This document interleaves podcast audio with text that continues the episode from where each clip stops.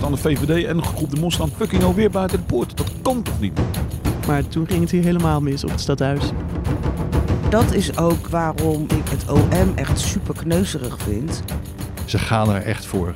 Beluister de nieuwe afleveringen van O de Mos op ad.nl slash podcast of via je favoriete podcast app.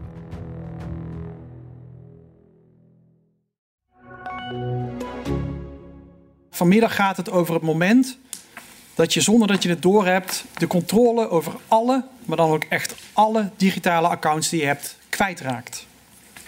Je e-mail, waar jaren aan e-mailwisselingen in staan. Je social media accounts, je bank- en hypotheekrekeningen en de accounts op sites waarvan je liever niet hebt dat andere mensen weten dat je daar een account hebt.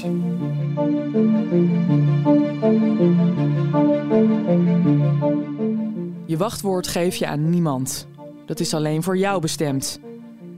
En als je erachter komt dat iemand het weet, verander je het snel. Maar wat nou als blijkt dat dat geen zin heeft en iemand de volledige controle over je gegevens heeft? Mijn naam is Emma Ties en je luistert naar De Zaak X. Een podcast van het AD in samenwerking met het Podcastkantoor, waarin we wekelijks een spraakmakende rechtszaak bespreken. Met deze week. Marco nam heel je computer over.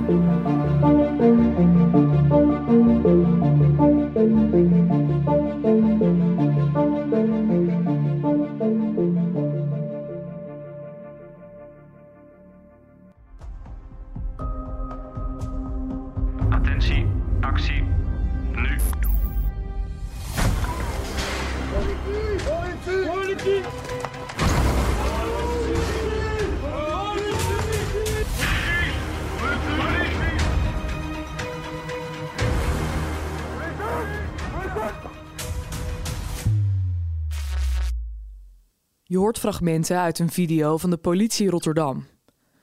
Het is in het voorjaar van 2023 als de politie op tientallen plekken doorzoekingen doet en 17 mensen aanhoudt. De actie is onderdeel van Operation Cookie Monster.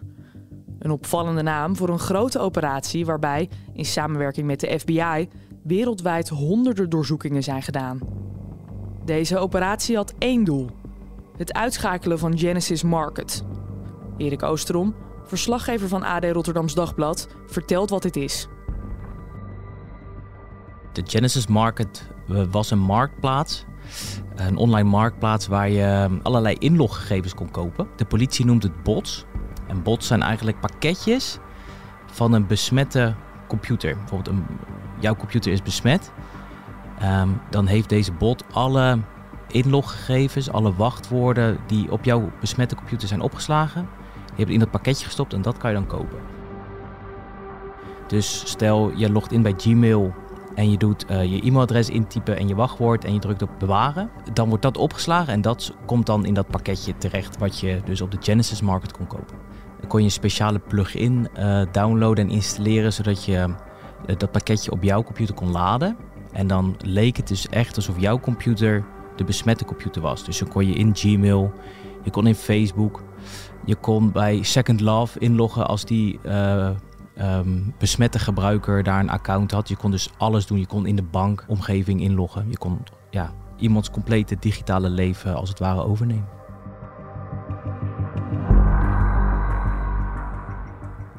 De politie kijkt tevreden terug op de zogeheten klapdag. Maar één persoon mist nog. De grootste Nederlandse gebruiker van Genesis Market. Het gaat om Marco, een man van 33 uit Barendrecht. Marco stond eigenlijk op de lijst om opgepakt te worden.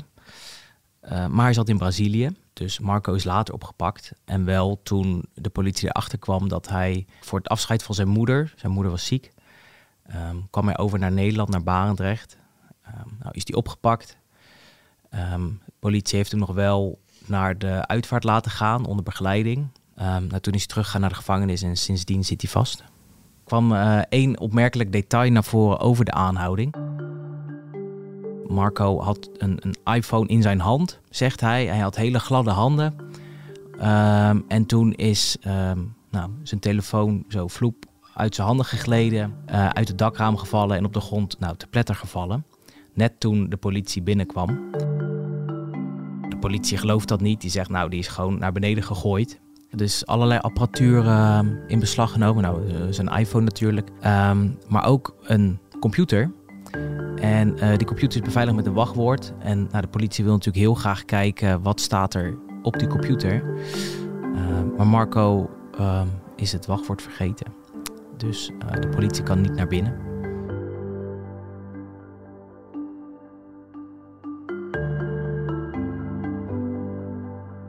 Telefoon is inmiddels gerepareerd en gekraakt. Volgens de OM stond hij van A tot Z vol met belastende berichten en details. Allerlei chats over cybercrime kwamen voorbij. En er kwam ook iets heel bijzonders voorbij. Er was een notitie in zijn notitie-app en die heette My Life. Um, en dat was een soort dagboek. En daarin beschreef Marco volgens de OM nou precies hoe zijn criminele loopbaan uh, in elkaar zat. Met allemaal details en waarom die het deed en hoe die het deed en wat hij nog wilde doen. Dat Marco handig is met computers is ook bij de politie en justitie bekend. Het is namelijk niet de eerste keer dat hij met hen in aanraking komt vanwege zijn werk achter het toetsenbord.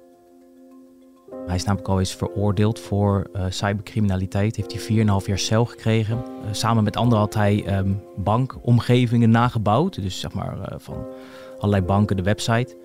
En dat hij zo goed gedaan dat daar nou grof geld mee was verdiend. Eind 2017 was hij klaar met zijn vorige gevangenisstraf. En toen M zegt, ja, hij liep bij wijze van spreken de, de, gevangenis, uh, de gevangenispoorten uit, klapte zijn laptop open en ging gewoon weer verder met zijn uh, cybercrime activiteiten. Dus hij heeft echt jarenlang is hij hiermee bezig geweest.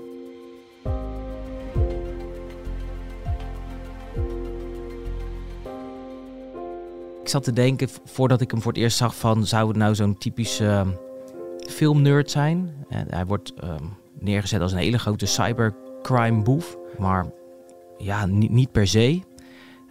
had een spijkerbroek aan, trui, kraagje, van die instappers zonder sokken. Ja, was niet per se een hele opvallende verschijning, maar ook weer niet een typische nerd die je uit de films kent. Hoe gedroeg hij zich tijdens de zitting? hij kon soms heel echt heel uitgebreid antwoord geven. Uh, en dan ging hij heel erg in op de details. Dus uh, de rechter stelt een vraag. Er komt iets technisch in die vraag naar voren. En dan ging Marco heel erg in op dat technische. Wat dan volgens hem te kort door de bocht was uh, geformuleerd. Wat niet klopt. Ehm, dat soort dingen. Maar als het dan echt over de, de, de, verdenkingen zelf ging. Zei hij ja, nee, daar kan ik niks over zeggen. Dan verwijs ik door naar mijn advocaat. Um, dus hij was zeker niet uh, zwijgzaam. Maar behalve als, dus als het echt spannend werd, dan verwees hij door naar zijn advocaat. De rechter valt hetzelfde op als Erik. Maar u geeft best wel strategisch uh, antwoord. Mag hè? Maar dat stel ik vast, dat, dat, dat u dat ook doet. De officier stelt nu vragen dat u zoekt op banken om, te, uh, om de bots te selecteren, om uit te zoeken. En dan zegt u eigenlijk niet, geeft u daar geen concreet antwoord op. Dan zegt u, nou, dat, wil ik, dat zal ik dan om zoek worden. Dat zal ik dan met een bepaalde reden gedaan hebben. Terwijl de officier, de vraag wat erachter zit, is waarom nou banken? Dat is dat, waarom nou banken? Omdat, ja, die banken, die, daar zou je van kunnen denken, dat is om, omdat je uh, inloggegevens van mensen wil, uh, uh, dicht bij die banken wil zitten. Genesis Market stond bekend om zijn grote gebruiksgemak. Je kon goed zoeken en er was zelfs een heuse helpdesk. Uiteindelijk blijkt juist die helpdesk mee te helpen in de bewijslast tegen Marco. Als technisch iets niet lukte of er was een of andere andere klacht, dan kon je uh, je melden bij de helpdesk. En Marco heeft dat ook een paar keer gedaan en hij heeft blijkbaar een keertje geschreven van I only do banks. Dus hij zat achter bankgegevens aan. Het is ook nog een heel technisch verhaal, maar de politie heeft gezien, Marco kocht op moment A een pakketje met bankgegevens. En vlak daarna werden met die gegevens werd er ingelogd op een banksite. En werd er geprobeerd geld over te maken. Dus dat zat zo dicht op elkaar dat de OM zegt, nou ja, hij was echt duidelijk bezig met het stelen van geld. Marco gaf ruim 30.000 dollar uit op Genesis Market en kocht volgens het OM honderden profielen. Daarmee stond hij in de top 10 van gebruikers van Genesis Market wereldwijd. Toch gaat het OM in haar aanklacht uit van maar vier slachtoffers.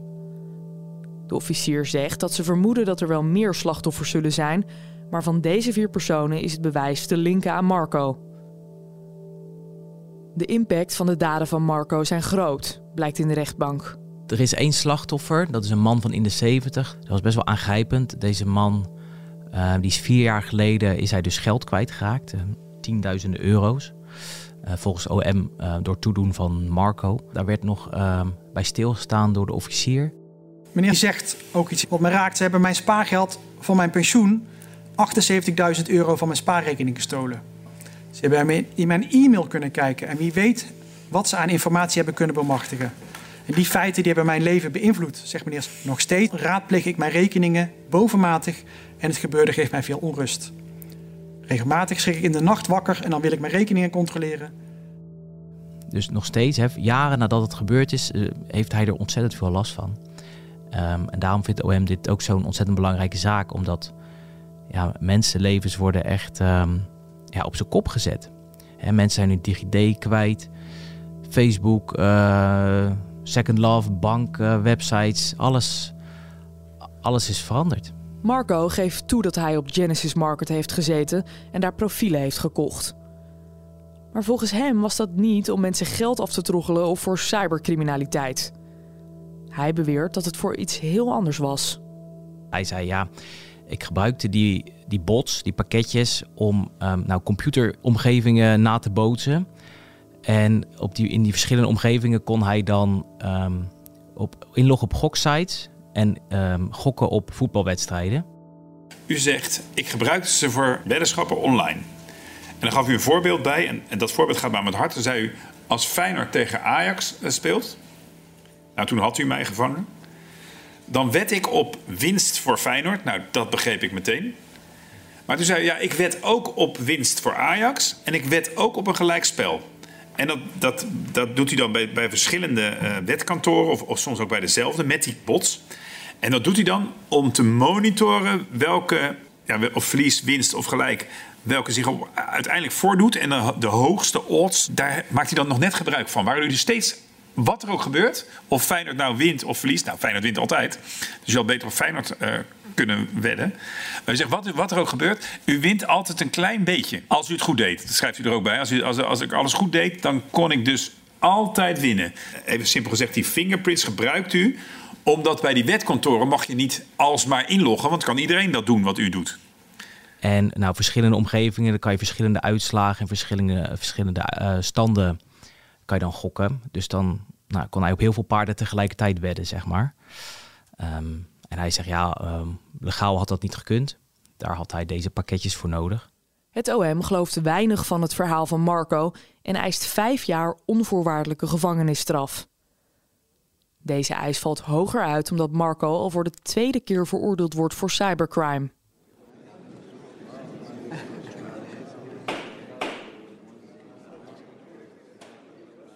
De rechtbank oordeelt twee weken later dat Marco inderdaad schuldig is. Volgens de rechter was het handelen van Marco enkel gericht op snel geld verdienen en hield hij geen rekening met de eigendommen of privacy van anderen.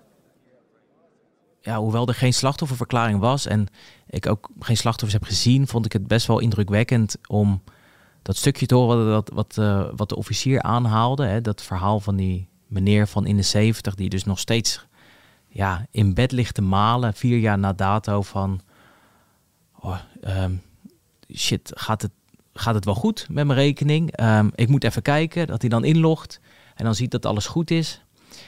Um, en dan, ja, dan ga je erover nadenken en dan besef je hoeveel, hoeveel er eigenlijk op je computer staat, hoeveel er op je telefoon staat. En als iemand dat in handen krijgt, dat je, ja, dan ben je gewoon de hele controle over je digitale leven, dus ook eigenlijk grotendeels over je echte leven, ben je gewoon kwijt.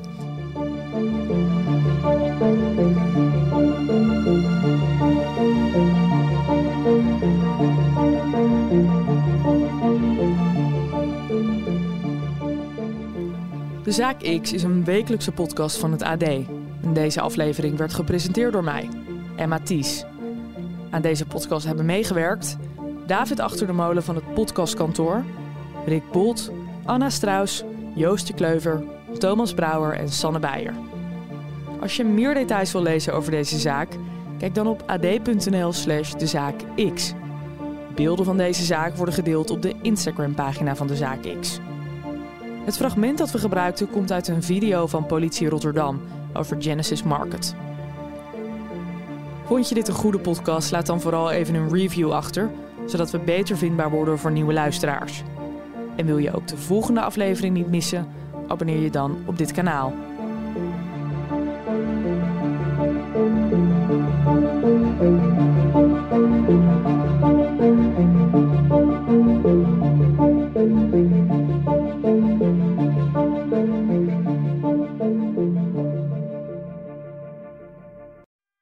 Politie is woensdagmorgen opnieuw binnengevallen bij camping, Fort Oranje. tussen Breda en Rijsbergen.